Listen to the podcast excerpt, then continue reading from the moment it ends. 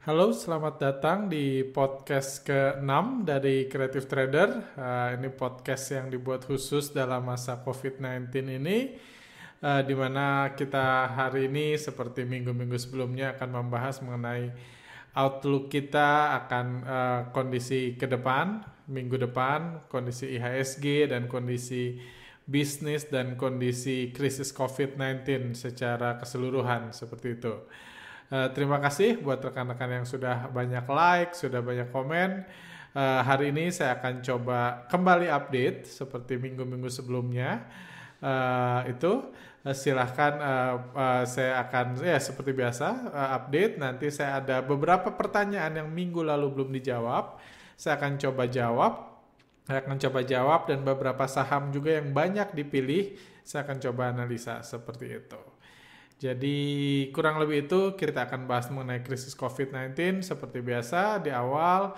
Lalu kita akan bahas ada materi yang sedikit mau saya share tentang transaksi di bursa kita yang juga akan menarik, yang mudah-mudahan bisa jadi uh, dalam kurung viral gitu supaya uh, ada ada ada ada fakta yang bisa dibuka bukan oleh kami tapi juga oleh rekan-rekan uh, media atau rekan-rekan analis seperti itu yang kemar minggu kemarin juga sudah dimention dan juga tentunya akan bahas IHSG dan beberapa saham yang banyak dibahas sepanjang minggu lalu seperti itu. Oke, uh, langsung aja. Jadi uh, kurang lebih uh, review sedikit. Minggu lalu IHSG mengalami kena penurunan uh, 3% dari uh, dari minggu kemarin turun 3%, jadi cukup besar tapi nggak terlalu kerasa turunnya karena sempat turun besar di awal minggu rebound besar uh, di pertengahan minggu dan dibanting di hari Jumat itu dibanting. Uh, kayak gitu. Jadi so far belum ada yang berubah untuk untuk ini untuk kondisi di bursa kita. Belum ada banyak perubahan yang berarti. Cuma uh, ya memang bisnis masih kita tahu sendiri bisnis masih mati suri. Uh, kita tahu kalau dari sisi wartawan, eh sorry, sisi pengusaha udah teriak-teriak minta tolong.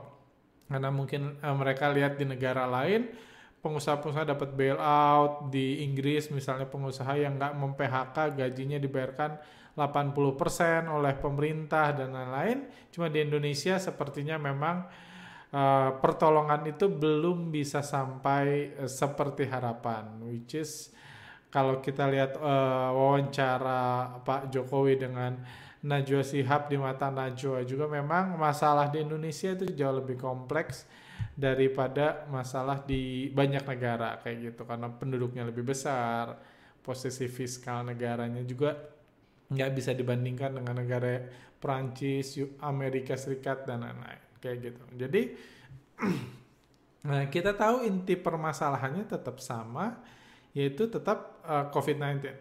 Inti permasalahannya ya eh, COVID-19 itu adalah inti masalah yang yang yang mengawali semua ini.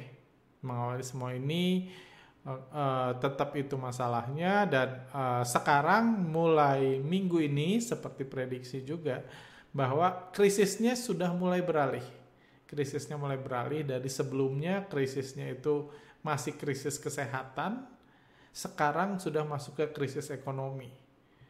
Nah, kayak gitu. Awalnya orang masih takut, takut terjangkit, takut ini, sekarang udah takut lapar, takut di PHK, takut ini. Jadi krisisnya sudah mulai beralih, which is sudah predictable sejak awal kami buat emergency gathering juga, kami khawatirkan itu.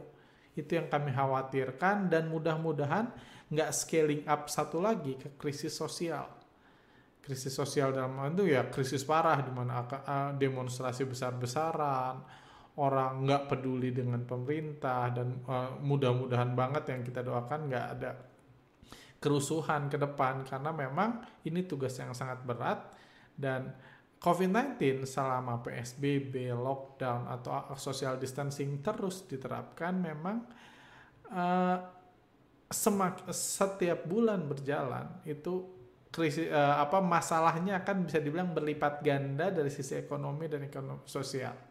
Kayak gitu. Jadi itu masalahnya. Sementara krisis kesehatannya memang uh, memang sudah ini sudah uh, seperti diprediksi juga uh, so far hari saat ini jumlahnya udah 2,8 juta orang yang terjangkit. Ada 194 uh, 197 ribu yang meninggal 811 ribu yang ini dan ke, minggu kemarin udah dibahas cukup panjang jadi fakta yang didapat bahwa di Amerika, di Spanyol, di Italia, di Perancis dan eh intinya Amerika negara dan negara-negara Eropa itu apa ya uh, Amerika dan negara-negara Eropa itu penurunannya penurunan kasus pasca lockdownnya itu jauh lebih lambat dari China dan uh, tentunya itu berhubungan mungkin dari hak asasi dan lain-lain. Di China memang di Wuhan itu ya di lock lu nggak keluar. Suruh beli makanan buat sebulan ya jangan keluar jangan lari-lari jangan itu. Sementara keluarga saya uh, keluarga inti saya adik saya di Amerika adik saya uh, keluarga saya yang lain di Inggris di sana jauh lebih apa light lah peraturannya. Dan mungkin itu yang menyebabkan masih ada kasus-kasus baru. Padahal harusnya kalau di lockdown tiga minggu harusnya kasus baru udah hampir berakhir.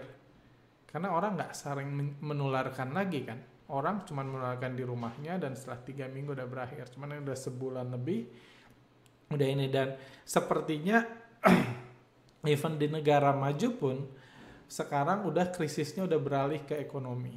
Banyak bahkan di Amerika salah satu negara bagian Amerika itu sudah udah membuka lockdownnya nggak terlalu peduli efeknya apa pokoknya ekonomi harus jalan jadi ini krisis yang bisa bisa dengan cepat uh, dengan cepat beralih kalau nggak uh, yang solusinya sejak awal gathering di akhir Februari atau awal Maret, awal Maret, solusinya memang cuma satu. Saat ini adalah ya ada mukjizat, ada mukjizat tiba-tiba mati sendiri.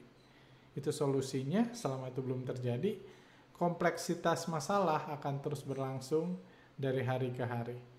Seperti itu. Uh, Oke, okay, saya nggak akan banyak bahas tentang luar negeri, saya akan bahas tentang krisis di Indonesia. Di Indonesia ini data terbaru hari ini yang terjangkit itu uh, yang terjangkit itu terkonfirmasi terkena COVID itu 8.607 8.607 yang sembuh 1042, 720 yang meninggal mortality rate di Indonesia itu saat ini 8,4 persen, sudah turun dari hampir 10 persen jadi 8,4 persen. Nah, sementara global itu 6,9 persen saat ini. Ini juga yang bilang berarti terlepas dari setiap hari kita dengar ada orang yang berita nemuin obat ini, nyoba obat ini, nyoba obat ini, mortality rate-nya malah meningkat dua kali lipat dibanding ketika kasusnya hanya ada di China. Di China dilaporkan memang dipertanyakan. Eh, banyak yang bilang transparansinya nggak di ini tapi at least dulu tiga setengah persen sekarang 6,9 persen. Jadi untuk obat so far nggak ada yang benar-benar bisa diandalkan. Lagian obatnya kan obat modifikasi solusinya tetap satu yaitu vaksin vaksin kemarin ada banyak kepala negara meeting sama WHO katanya sih targetnya dan Bill Gates juga mengkonfirmasi katanya dulu 12 bulan sampai 18 bulan itu paling cepat. Katanya kalau seluruh negara semua fasilitas diberikan termasuk uji coba katanya 9 bulan lagi itu bisa ditemukan paling cepat. Kembali lagi ditemukan sama di ini belum ada uh, ditemukan sama kita dapat vaksinnya itu bisa masih long way to go. Dan ditemukan diproduksi. Cuma let's see lah kita kita itu harapan yang uh, logical harapannya ya ke arah situ mudah-mudahan vaksinnya berhasil. Karena so far belum pernah berhasil manusia buat vaksin buat nCoV cuman let's see. Kayak gitu. Cuman tentunya masalahnya kalau di ini kita langsung masuk ke ekonomi masalah dan Indonesia masalahnya adalah tesnya. Karena semua negara yang eh, yang terjangkitnya banyak itu satu hal yang menyatukan dari mereka semua mereka tesnya banyak. Wajar kan? Semua orang akan lulus atau enggak kalau dites. Orang akan positif covid atau enggak kalau dites kalau nggak dites yang nggak ada yang positif covid kalau di Indonesia sampai detik ini belum ada tes covid sama sekali maka yang terjangkit di Indonesia nol Itu udah pasti. Jadi sebenarnya kuncinya itu udah diakui oleh semua negara adalah masif tes. Uh, beberapa minggu lalu uh, kami buat ini, uh, kami buat apa? Kami buat kami ini sharing berita bahwa um, sharing berita bahwa udah masuk tes COVID berapa 500 ribu atau berapa targetnya adalah ada 10.000 tes setiap hari di Indonesia. Kami udah udah sharing itu itu kabar sangat gembira, kabar sangat positif karena itulah yang bisa memetakan tentang krisis COVID-19 di Indonesia. Karena solusi nggak bisa diambil kalau uh, masalahnya belum jelas dan Indonesia sekarang masalahnya masih jauh dari jelas karena terbatasnya tes. Cuman minggu ini ada berita cukup mengkhawatirkan hari Rabu di mana stafnya ini, staf khususnya Menteri Kesehatan bilang mustahil bisa tes PCR 10.000 per hari di Indonesia. Menyedihkan banget. Karena karena alasannya sederhana, bukan kurang tes, bukan kurang support pemerintah, tapi kurang dokter. Katanya itu mustahil. Kata butuh 1000 dokter untuk melakukan 10.000 tes per hari. Ini di artikel yang bisa anda baca di CNN atau banyak ini lain. Saya rasa butuh seribu dokter. Dan di Indonesia sepertinya dokternya nggak segitu. Kayak gitu. Jadi sebenarnya eh, masalahnya kita udah bingung. Sekarang kita mau nunggu apa ini? Kalau di luar negeri di Amerika di Inggris lockdown itu nunggu nunggu penyebarannya terkendali kalau di China malah sederhana, mereka nunggu nggak ada penularan lokal. Penularan lokal itu nggak ada manusia menularkan ke manusia yang lain di kota itu, di Wuhan. Ketika itu nol selama beberapa hari, barulah lockdown mulai dibuka. Kayak gitu. Cuman tentunya untuk tahu nggak ada penularan lokal, tesnya harus masif. Karena sekarang kalau saya uh, misalnya uh, salah satu dari kita kena covid nularin ke temennya nggak ada yang tahu kalau nggak ada di tes jadi itu masalah di Indonesia. Ada data lain yang juga sebenarnya either jelek atau bagus tergantung sudut pandang. Uh, data lain dari New York Times dia meng, apa ini juga kita share artikelnya di Telegram kami uh, ini bahwa di ini uh, dia uh, dia nggak menganalisa positif COVID. Dia nggak uh, dia nggak menganalisa data COVID seperti yang kita lakukan berapa yang kena berapa ini. Yang dianalisa adalah penambahan jumlah orang yang dikubur jumlah orang yang meninggal. Jadi dipukul rata. Kayak gitu. Di hampir semua negara ada peningkatan jumlah yang meninggal secara signifikan dari rata-rata sebelumnya artinya memang banyak yang meninggal karena COVID jadi karena ada sebab baru makanya yang meninggal nambah itu fair Cuman di Indonesia salah satu yang terburuk uh, ininya bukan penambahan jumlah yang meninggalnya. Penambahan jumlah yang meninggalnya sepanjang bulan Maret itu ada 1.600 orang. Which is ya cukup banyak. Eh, cuman di Indonesia yang terjangkit, yang dilaporkan selama bulan Maret ini di Jakarta aja, ini penambahan ya, mungkin yang meninggalnya 10.000 jadi 10.000 11.600 jadi nambahnya uh, rata-ratanya 10.000 jadi 11.600 namanya 1.600 cuman yang terkena covid cuman 80 orang yang meninggal di Jakarta yang terkonfirmasi. Berarti ada 1.500 uh, yang meninggal tambahan yang nggak terdeteksi. 1.500 tambahan orang meninggal yang nggak terdeteksi. Jadi itu luar biasa mengerikan kan? Kenapa nggak terdeteksi? Karena nggak pernah dites sudah meninggal duluan. Kayak gitu. Jadi itu bahaya lain yang terjadi. Cuman sebenarnya angka 1500 ini bagi saya pribadi itu sedikit relief. Uh, kenapa uh, kenapa kenapa uh, kenapa sedikit relief uh, angka 1500 ini karena memang uh, contohnya di Amerika aja ada 250 ribu yang meninggal saat ini di Indonesia yang kenanya udah berapa? Udah hampir satu juta orang ya, udah 900 ribu yang kena di Amerika. Yang dites banyak, yang kena banyak, yang meninggal banyak. Di Indonesia yang dites sedikit, yang kena sedikit, tapi yang meninggalnya di Jakarta cuman tambah 1600. bukan 10.000 bukan 5.000 rata-rata yang meninggal tambah 1.600 anggaplah 60 persennya kena covid. Dari yang tambahan meninggal 1.600 60 persennya kena covid berarti cuma 900 orang yang meninggal. Artinya satu hal karena kita tahu PS eh, Jakarta adalah pusat eh, COVID-19 di, di, di Indonesia dan oh, kita tahu PSBB di eh, kedisiplinan orang Indonesia itu berantakan banget. Jadi kalau ini eh, kalau kalau kita kalau kita mungkin kalau di New York dengan kayak gitu mungkin udah puluhan ribu yang meninggal.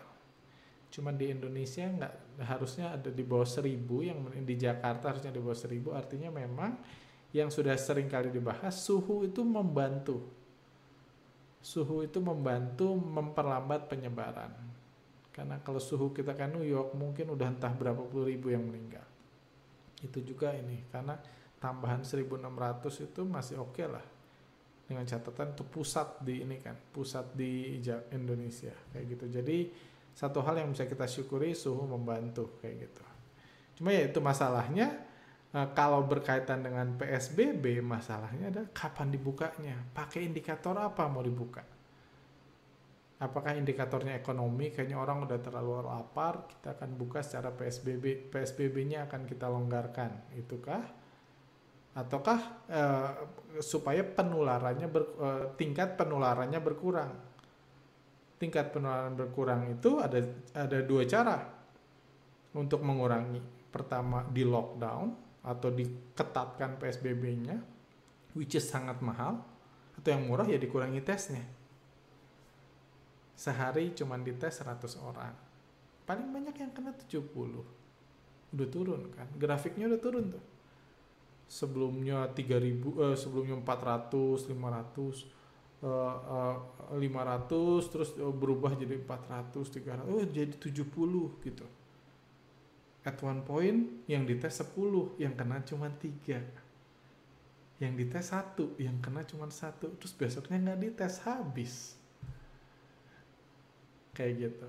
Itu tentunya yang nggak kita harapkan cuman kalau eh, kita anda sebaiknya nonton wawancara Najwa Shihab dengan Presiden Jokowi uh, uh, sudah jelas dikatakan secara tersirat bahwa masalah di Indonesia itu adalah fiskal.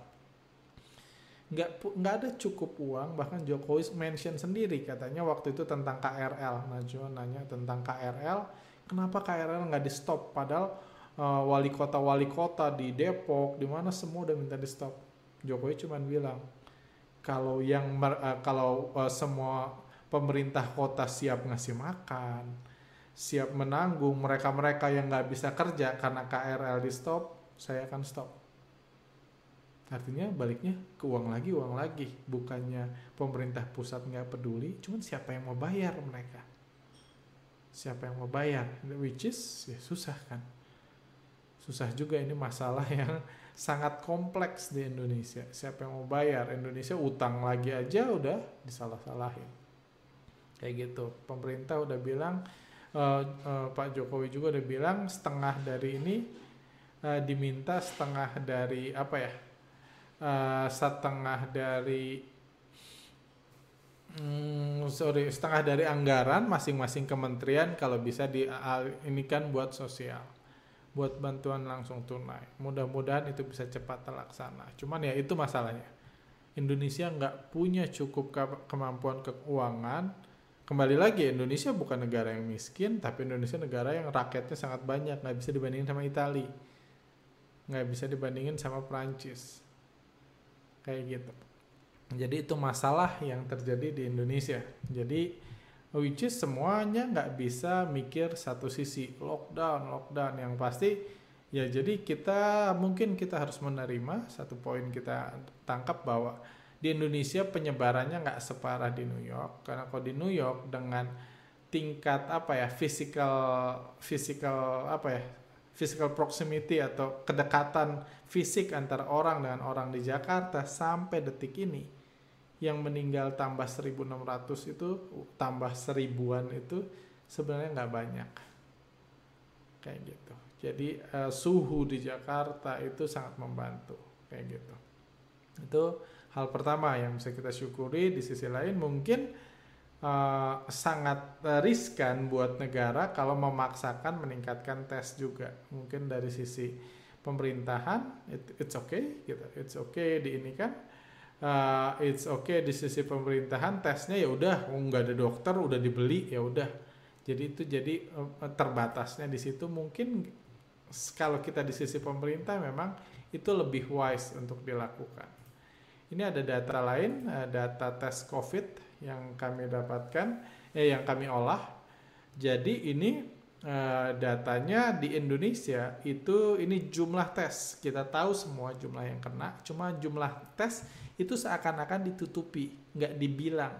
Cuma dibilang segini positif segini negatif. Dan masih sedikit media yang sadar bahwa tes ini penting di Indonesia sam rata-rata bulan April ini data dari dari pemerintah kita olah rata-rata bulan April tesnya itu 1500 per hari saya salah membandingkan di New York itu 14.000 per hari.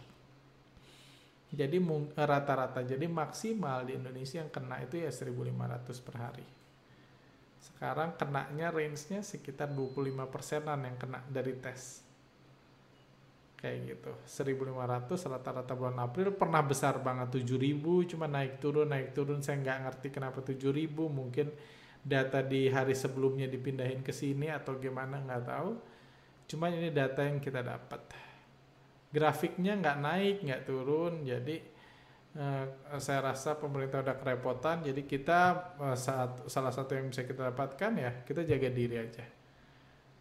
Atau bantu atau bisa bantu pemerintah meringankan uh, uh, potensi krisis sosial yang kalau orang lapar. Saya pribadi banyak uh, bekerja di uh, uh, ini uh, banyak aktivitas sosial yang saya lakukan selama udah tiga minggu terakhir ini uh, bagi-bagi sembako dan lain-lain dan saya rasa rekan-rekan pun yang terdorong bisa melakukan itu karena banyak banget orang lapar di luar sana dan itu nggak akan menguntungkan kita ke depannya. Kayak gitu. Kalau anda uh, kita punya ini punya uh, uang lebih salah satunya bisa itu. Jadi itu itu kondisinya kondisi lokalnya memang which is nggak apa ya nggak banyak berita positif. Cuman mungkin social distancing di Indonesia PSBB di Indonesia itu uh, mungkin lebih uh, dibuka atau enggaknya bukan dimulai dari dulu saya kira semua dimulai dari masif tes udah itu tergambar udah tergambar uh, tergambar jumlahnya secara mendekati real. Kalau 10 ribu saya rasa cukup mendekati real. Nanti kalau sudah mulai turun baru PSBB dibuka. Kalau belajar dari China dari eh, dari negara-negara eh, Italia itu habis masif tes sampai PSBB dibuka itu sekitar dua bulan atau mungkin tiga bulan ngeliat lambatnya mereka turun. Lockdown dibuka kalau itu. Cuma mungkin di Indonesia Indonesia nggak punya uang sebanyak itu untuk melakukan itu untuk melakukan lockdown, untuk memperketat PSBB sampai menghentikan KRL aja Pak Jokowi bilang ke di mata Najwa untuk menghentikan KRL aja sehari itu butuh dana 500 miliar di Jakarta. Katanya kalau Jabodetabek bisa dikali tiga. Which is itu dana yang sangat besar ketika ekonomi berhenti kayak sekarang, pajak berhenti, saya rasa ya kita bisa bantu cuman mungkin PSBB itu akan dibuka dengan sudut pandang ekonomi karena hasil tes kalau memang fokus masyarakat tetap jumlah tes dan jumlah terjangkit ya kurangin aja tesnya pelan-pelan. Udah itu kita ya bebas lah. Kita bebas kita mau keluar silahkan. Nggak nggak apa-apa. Kayak gitu. Karena vaksin masih lama atau ya kita kita kalau ini kita bisa berdoa supaya uh, ini supaya masalah ini cepat-cepat berakhir. Masalah ini cepat-cepat berakhir uh, supaya ya kita di inilah di, di, ada mujizat yang menolong kita semua karena so far kalau saya nggak ngelihat ada solusi real yang bisa dilakukan Indonesia saat ini. Tesnya aja nggak sanggup. Lucu ironis Bio Farma dibantu Bill Gates berhasil meng, akan berhasil membuat 50.000 tes per minggu. Sementara Menteri Kesehatan bilang nggak mungkin tes 10.000 eh, tes per hari itu mustahil. Jadi uh, ya udah kayak gitu ya. Paling diekspor aja tesnya. Paling diekspor aja tes dibuatnya jadi devisa negara nolong negara lain karena kalau memang ini ya susah juga.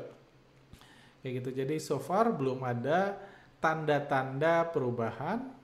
Tanda-tanda perubahan dari COVID, eh, krisis COVID-19 dan mungkin ketika ekonominya sudah terlalu parah mungkin akan mulai dibuka. Tapi kembali lagi krisisnya yang sebenarnya krisis kesehatannya itu masih jauh dari berakhir which is kita ya harus jaga diri lah. Kalau kita ngerasa kita nggak harus keluar hidup kita masih bisa ini tetap di rumah kerjaan kita better stay at home karena ya, menurut saya sih semakin menyebar akan semakin ke mana-mana dan ya uh, ya paling hanya jadi masalah yang ditutupi uh, ya yang nggak dibahas aja lah. Nggak usah ditutup bukan ditutupi yang nggak dibahas aja. Kayak gitu. Itu mungkin terjadi atau mungkin pemerintah minjem uang lagi atau apa let's see lah. Yang pasti saya nggak menyalahkan pemerintah karena Pak Jokowi bilang juga dengan sangat jelas ini pilihannya buruk semua nih. Lockdown buruk PSBB buruk masif tes juga bisa jadi buruk kayak gitu atau nggak bisa gitu dan lain-lain oke okay. itu tentang itu tentang krisisnya. Terus satu lagi yang mau saya bahas di podcast ini adalah tentang uh, transaksi. Jadi uh, sudah sudah hampir sebulan saya rasa saya bahas tentang transaksi bahwa bursa kita sedang dirubah jadi ini. Bursa kita sedang dirubah semi-semi jadi kasino kayak kayak, gitu. Karena uh, karena memang ya ini jadi solusi kan. Sekarang di mana mana bisnis online itu solusi. Cari duit duit on eh, jadi bursa saham jadi tempat sarana cari duit online. Which is semuanya no problem kalau kondisi ekonomi baik-baik aja. Cuma kan sekarang kondisi ekonomi jauh dari baik masa depan perusahaan yang sahamnya kita beli itu jauh dari ideal ketika manajemennya teriak-teriak, pegawainya di PHK, CEO-nya eh, CEO-nya ini, tapi harga sahamnya naik.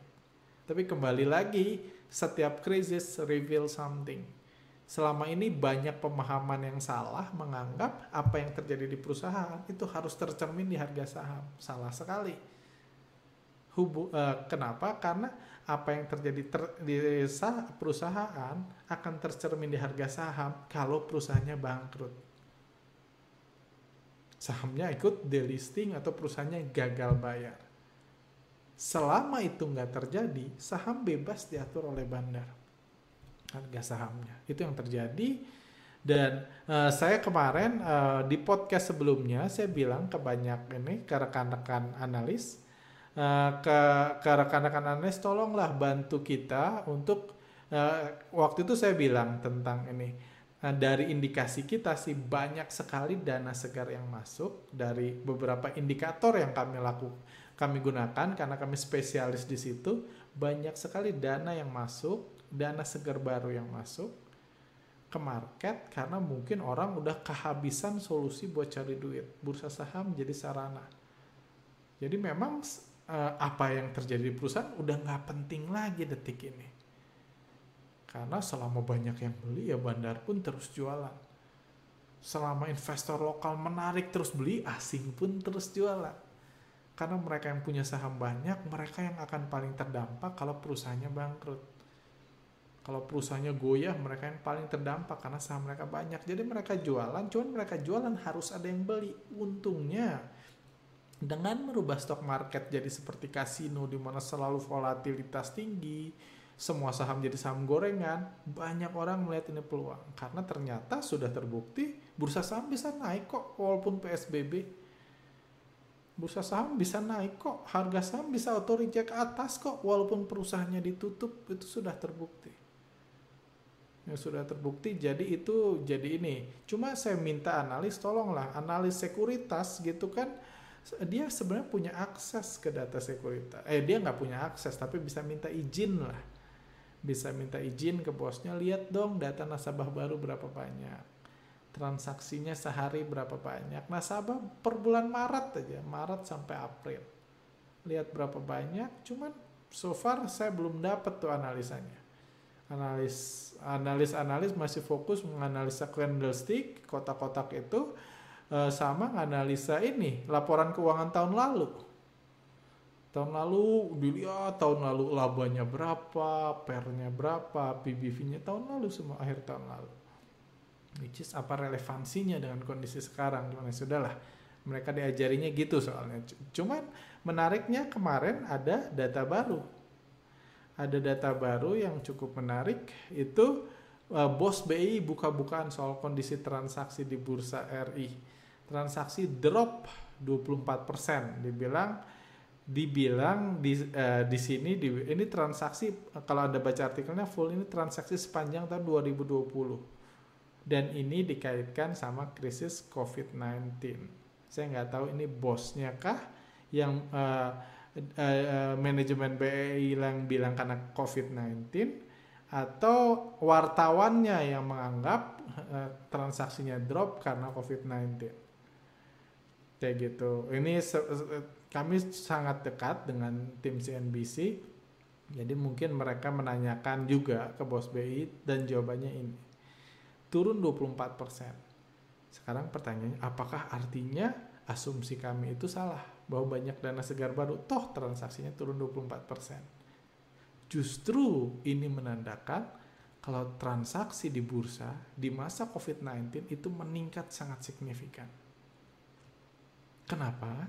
Karena kalau bagi Anda yang udah trading dari bulan Januari, bulan Februari, Anda tahu bulan Januari dan Februari ada krisis besar di Indonesia, yaitu krisis diganggunya, goyahnya dunia perbandaran di Indonesia. Dunia perbandaran yang e, istilah kerennya krisis jiwasraya. Krisis istilah yang mudah dimengertinya krisis jiwasraya di mana banyak saham-saham tiba-tiba jatuh, bandar-bandar saham yang selama ini punya peran sangat jadi fondasi bursa kita diproses sama Kejaksaan Agung dan lain-lain. Dan itu menyulitkan dan efeknya yang kelihatan adalah transaksi itu turun drastis selama bulan Januari sama bulan Februari. Kami pada saat itu terus posting, Anda bisa search di Telegram kami, terus posting di bulan Januari, sepanjang bulan Januari transaksi turun 59 triliun dibanding transaksi bulan Januari 2008, 2019. Januari 2020 ini. Terjadi penurunan 35% dari nilai transaksi di ISG. 35% penurunannya.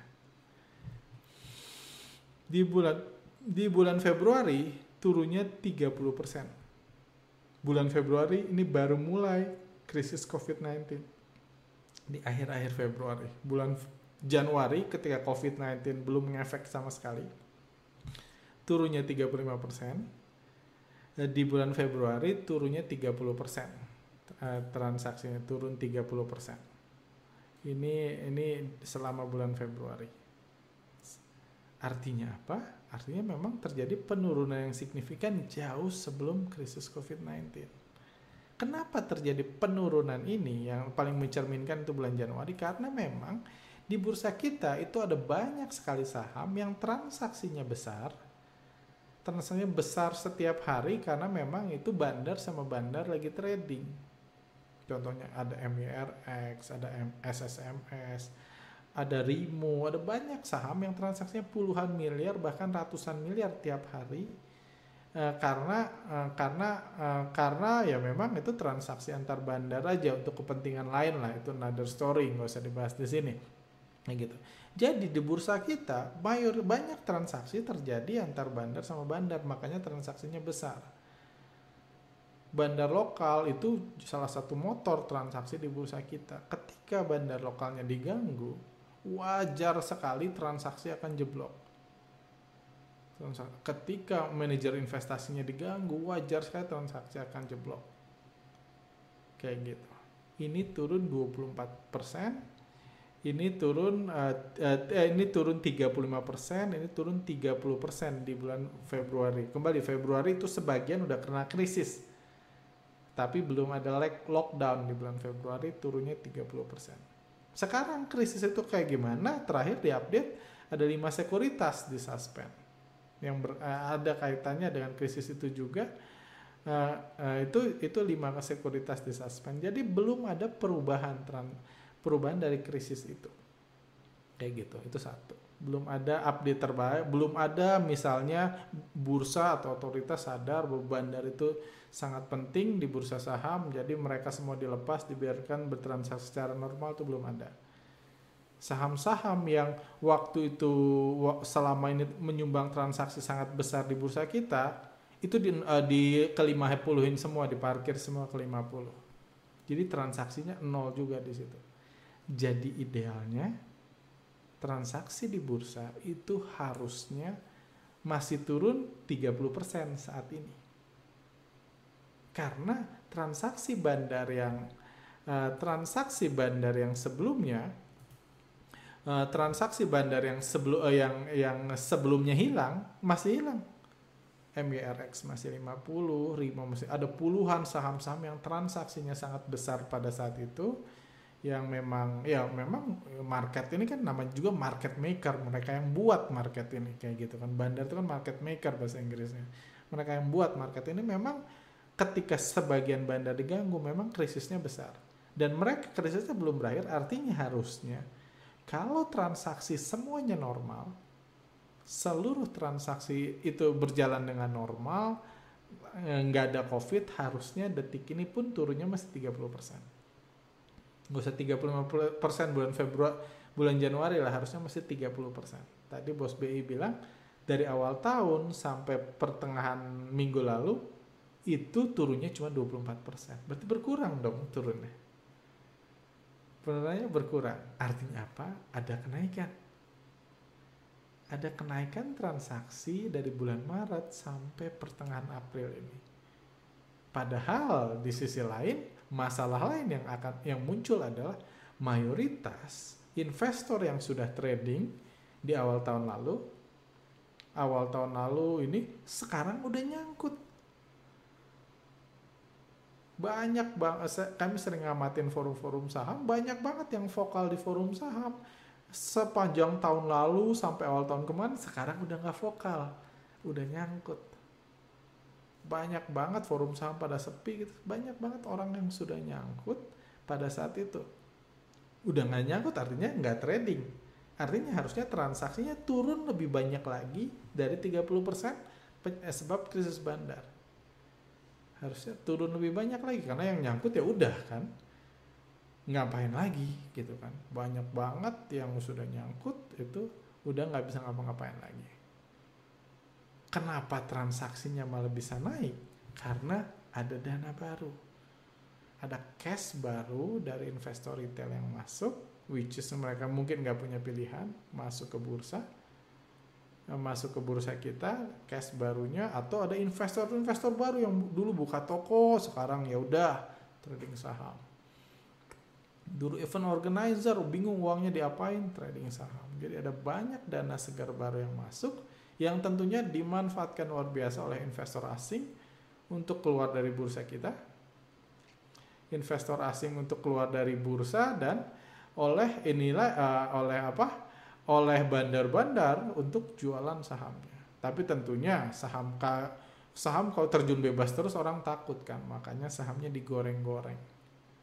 Kayak gitu.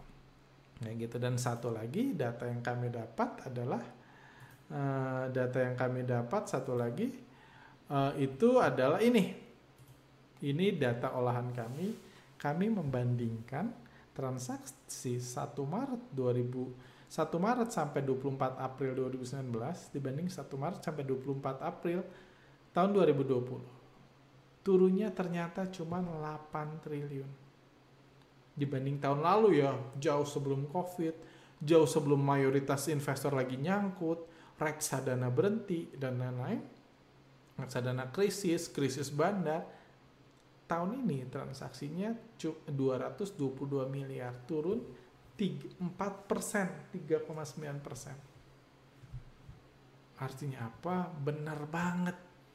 Ada banyak dana segar baru yang masuk. Makanya transaksinya bisa sebesar ini. Kayak nggak beda apa-apa sama tahun lalu. Pada tahun lalu bandar-bandar masih bergerak dengan bebas dikasih kebebasan besar sehingga transaksi mereka besar sekarang udah krisis dan bulan Januari ter impactnya 35% dari transaksi normal belum reksadana pada krisis itu juga kena belum lagi orang nyangkut berjamaah karena IHSG-nya turun 1000 poin lebih di bulan November ini. Kayak gitu. Eh, di, eh sorry di bulan Maret dan uh, April ini. Tapi itu tandanya bahwa dana segar baru masuk. Dana segar baru masuk dan memang yang seperti saya bilang minggu lalu kita ke IHSG sorry kok kelamaan ya. Kita ke IHSG kalau kita lihat memang ini dimanfaatkan banget oleh para pemain besar untuk jualan. Investor asing minggu lalu itu sudah berhasil jualan dua setengah triliun lagi. Dua setengah triliun kalau kita lihat di sini asing jualan dua setengah triliun untuk sepanjang minggu lalu. Kayak gitu asing jualan dua setengah triliun. Uh, sementara kalau ini 10 hari terakhir investor asing jualan 5,5 triliun. Nggak mungkin dana ini asing bisa keluar sebanyak ini kalau nggak banyak dana segar yang masuk ke market. Siapa yang beli barang jualan mereka? Nggak bisa, eh, karena 5,5 triliun yang dikeluarkan asing itu harus di-provide sama investor lokal. Nah, harus di-provide sama investor lokal. Jadi, dan tentunya luar biasa banget jualan 5 triliun dalam dua minggu dalam masa covid kayak gini. Emang jualan apa 5 triliun sekarang? Bisa bisa laku selain jualan saham yang nggak ada efeknya sama covid-19 karena harganya diatur sama bandar. Kayak gitu. Which is itu tentunya kalau kita belajar bandarmologi itu hal yang sangat berbahaya hal yang sangat berbahaya karena saham itu akan baik kalau di tangan bandar. Kalau di tangan retail jadi saham sejuta umat. Kalau saham di bandar semua harganya bisa naik terus. Saham kayak IPO di, di bandar semua bisa naik puluhan ribu persen mau-mau bandarnya. Kalau di retail semua saham nggak bisa naik. Makanya saham sejuta umat itu dari ini yang terus dibahas itu nggak naik-naik karena retail nggak bisa naikin harga dan itu yang terjadi sekarang. Distribusi bandar distribusi asing ke investor retail yang newbie lagi sebagian. Jadi ini tanda yang bahaya tapi ke, seperti minggu kemarin kami bilang bisnis ini saat ini terlalu menguntungkan untuk ditinggalkan bagi bandar. Dan kondisinya terlalu mengkhawatirkan untuk bandar terus beli saham atau terus skip sahamnya jadi saya lihat ini the new normal. The new normal sebelum ada solusi. Mungkin nanti kalau solusinya udah jelas, bandar akan ngebanting IHSG. Cara ngebanting gampang, jualan aja. Sekarang kan jualannya 5 miliar, 500 M, 500 M sehari asing contohnya. Kalau mau banting jualan aja 4 triliun sehari. Langsung turun 10 persen. Eh, nggak bisa 10 sekarang. Anggaplah turun 6 persen IHSG-nya. Jualannya 3 triliun sehari. Langsung turun. Jadi kalau ada solusi mungkin akan dibanting di mana mereka beli lagi di harga bawah, mereka beli lagi. Buat dulu panik, mereka beli lagi. Cuma so far nggak kelihatan solusinya, terlalu nekat bilang wah nanti bulan eh, bulan Februari ketemu vaksin itu terlalu nekat. Ini kan uang mereka, mereka cari aman dulu. Sekarang mendingan di maintain dulu. Setiap ada berita apa pun beritanya jadi alasan supaya indeks naik di awal minggu jadi uh, di akhir minggu lalu jadi alasan karena ininya apa? Karena ditemukannya obat katanya si Gilead atau obat Ebola itu katanya efektif. Dua minggu lalu Dow Jones naik berapa persen? Dua setengah persen kalau nggak salah. Jumat pagi kemarin keluar berita ternyata itu setelah diuji nggak ngefek nggak guna. Tapi Dow Jones kemarin naik juga bilangnya karena laporan keuangan jadi itu cuma diada-adain aja. Yang penting kalau bisa dihajar kanan, kalau bisa dibuat naik pelan-pelan mereka jualan itu the best skenario itu solusi terbaik yang bisa muncul sama bandar. Kita sebagai investor uh, sebagai trader atau investor yang mensyukuri lah di mana harga saham nggak harus mencerminkan kondisi di luar. Yang pengusaha teriak-teriak minta bailout minta pertolongan itu nggak pernah terjadi di Indonesia sebelumnya Cuman kondisi saham tetap bisa di-maintain bandar dan kalau prediksi saya, kalaupun turun nggak akan semenakutkan di bulan Februari dan Maret lalu karena akhirnya bandar menemukan ini peluang bisnis. Peluang bisnis dan bagaimanapun mereka pengen jualan. Kalau mereka buat kepanikan masalah sekarang nggak bisa jualan orang akan sadar oh ternyata nyambung dong ngefek dong ekonomi sama harga saham. Gua kira enggak. Oh ternyata kalau perusahaan mapinya tutup udah tiga bulan harganya bisa turun dong. Gua kira cuma bisa naik kalau perusahaannya tutup. Jadi orang dana segar akan yang sudah masuk tentunya menderita tapi nggak akan ada masuk baru. Padahal kita tahu dananya masih ada kan pengusaha-pengusaha yang sebelumnya sukses hanya karena bisnisnya tutup bukan berarti uang di tabungannya habis kan? Mereka cuma nggak bisa nyari duit. Dan dialihkanlah ke bursa saham. Kurang lebih seperti itu. Jadi saya pribadi uh, terus gimana outlook IHSG sorry ini kepanjangan. Saya cut di sini aja. Nanti saya buat video tambahan. Uh, IHSG-nya terus turun terus turun, asing masih jualan, jadi seperti biasa saya akan mengatakan marketnya akan turun minggu depan. Saham-saham blue chip masih sangat diinikan, masih sangat banyak dijual, masih sangat dibanting, jadi terus dihindarilah saham blue chip saat ini. Kayak gitu, BMRI, BBRI, Telkom gitu masih sebaiknya dihindari, apalagi yang mau berinvestasi. Buat jangka panjang, menurut saya itu bukan waktu yang sama. Jadi menurut saya ini kondisi yang mengkhawatirkan, masih mengkhawatirkan. Cuman apakah ada uh, crash? Apakah kita harus cabut di market karena badai akan tiba-tiba datang? Tiba-tiba market akan jatuh lagi karena rakyat mulai lapar, PHK mungkin udah nggak bisa dihentikan lagi di bulan ini atau bulan depan dan lain-lain. Menurut saya nggak seperti itu. Karena bagi big player pun mereka butuh keluar dan mereka butuh optimisme tetap terjaga. Karena belum ada solusi ke depan. Kita sebagai trader ya kita menimbang-nimbang lah. Kita menimbang-nimbang apakah better kita tetap apakah kita masih merasa safe untuk trading sini jujur kalau saya pribadi nilai trading saya saat ini meskipun saya tahu ini harganya lebih murah justru dikurangin karena saya nggak ngerasa safe untuk trading dalam kondisi saat ini. Untuk investasi yang sudah saya bilang dari tiga minggu terakhir belum saya sentuh. Modal buat invest, buat beli saham murah di ini which is saya lakukan selama ini itu belum saya sentuh. Masih saya simpan karena saya takut kondisinya memburuk tiba-tiba dan kalau dibanting pun saya nggak bisa saya akan ikut panik karena kondisinya memang cukup sulit. Jadi so far saya fokus mengedukasi, fokus ngebantu secara sosial, trading dikit-dikit aja kayak gitu biar seru lah. Kayaknya kalau BRI naik 5-6% nggak punya kayaknya nggak nggak happy gitu karena saya liatin market terus jadi cuma seru-seruan doang. Cuman hati-hati bagi anda yang mungkin masih baru yang lihat ini sebagai kesempatan ini kondisi yang sangat langka mungkin ke depannya udah memang diputus sama sekali hubungan antara analisa fundamental dan uh, kondisi perusahaan dengan saham mungkin ke depannya akan seperti itu cuman saya rasa nggak wise untuk kita mau uh, ya menurut saya terlalu beresiko untuk kita menganggap ke depannya memang nggak ada hubungan sama sekali antara saham perusahaan dengan sahamnya. Menurut saya kurang wise atau terlalu beresiko menganggap gitu. Jadi kita lebih baik berhati-hati. Kayak gitu. Oh ya sedikit iklan. Jadi ini uh, nanti tanggal 30 April kita kami akan buat gathering akan membahas ya lebih dalam lagi tentang fenomena sell in May and go away skenario 3-6 bulan ke depan the new normal uh, di dunia sektor real sektor real ya sektor bisnis kurang lebih new normalnya apa nih kalau vaksin COVID nggak ada nggak ada keajaiban atau sampai nunggu vaksin muncul.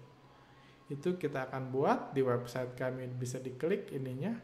Uh, pendaftarannya ini uh, diminta memberikan donasi, donasinya bebas, mau 10 ribu atau 10 juta akan dapat hak yang sama.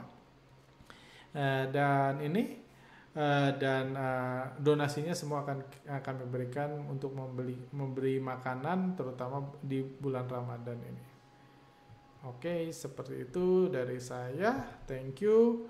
Nanti saya akan bahas mengenai saham-saham uh, mengenai saham-saham yang lebih menarik, saham yang lagi menarik saham, dan lain-lain nanti akan saya bahas untuk video selanjutnya.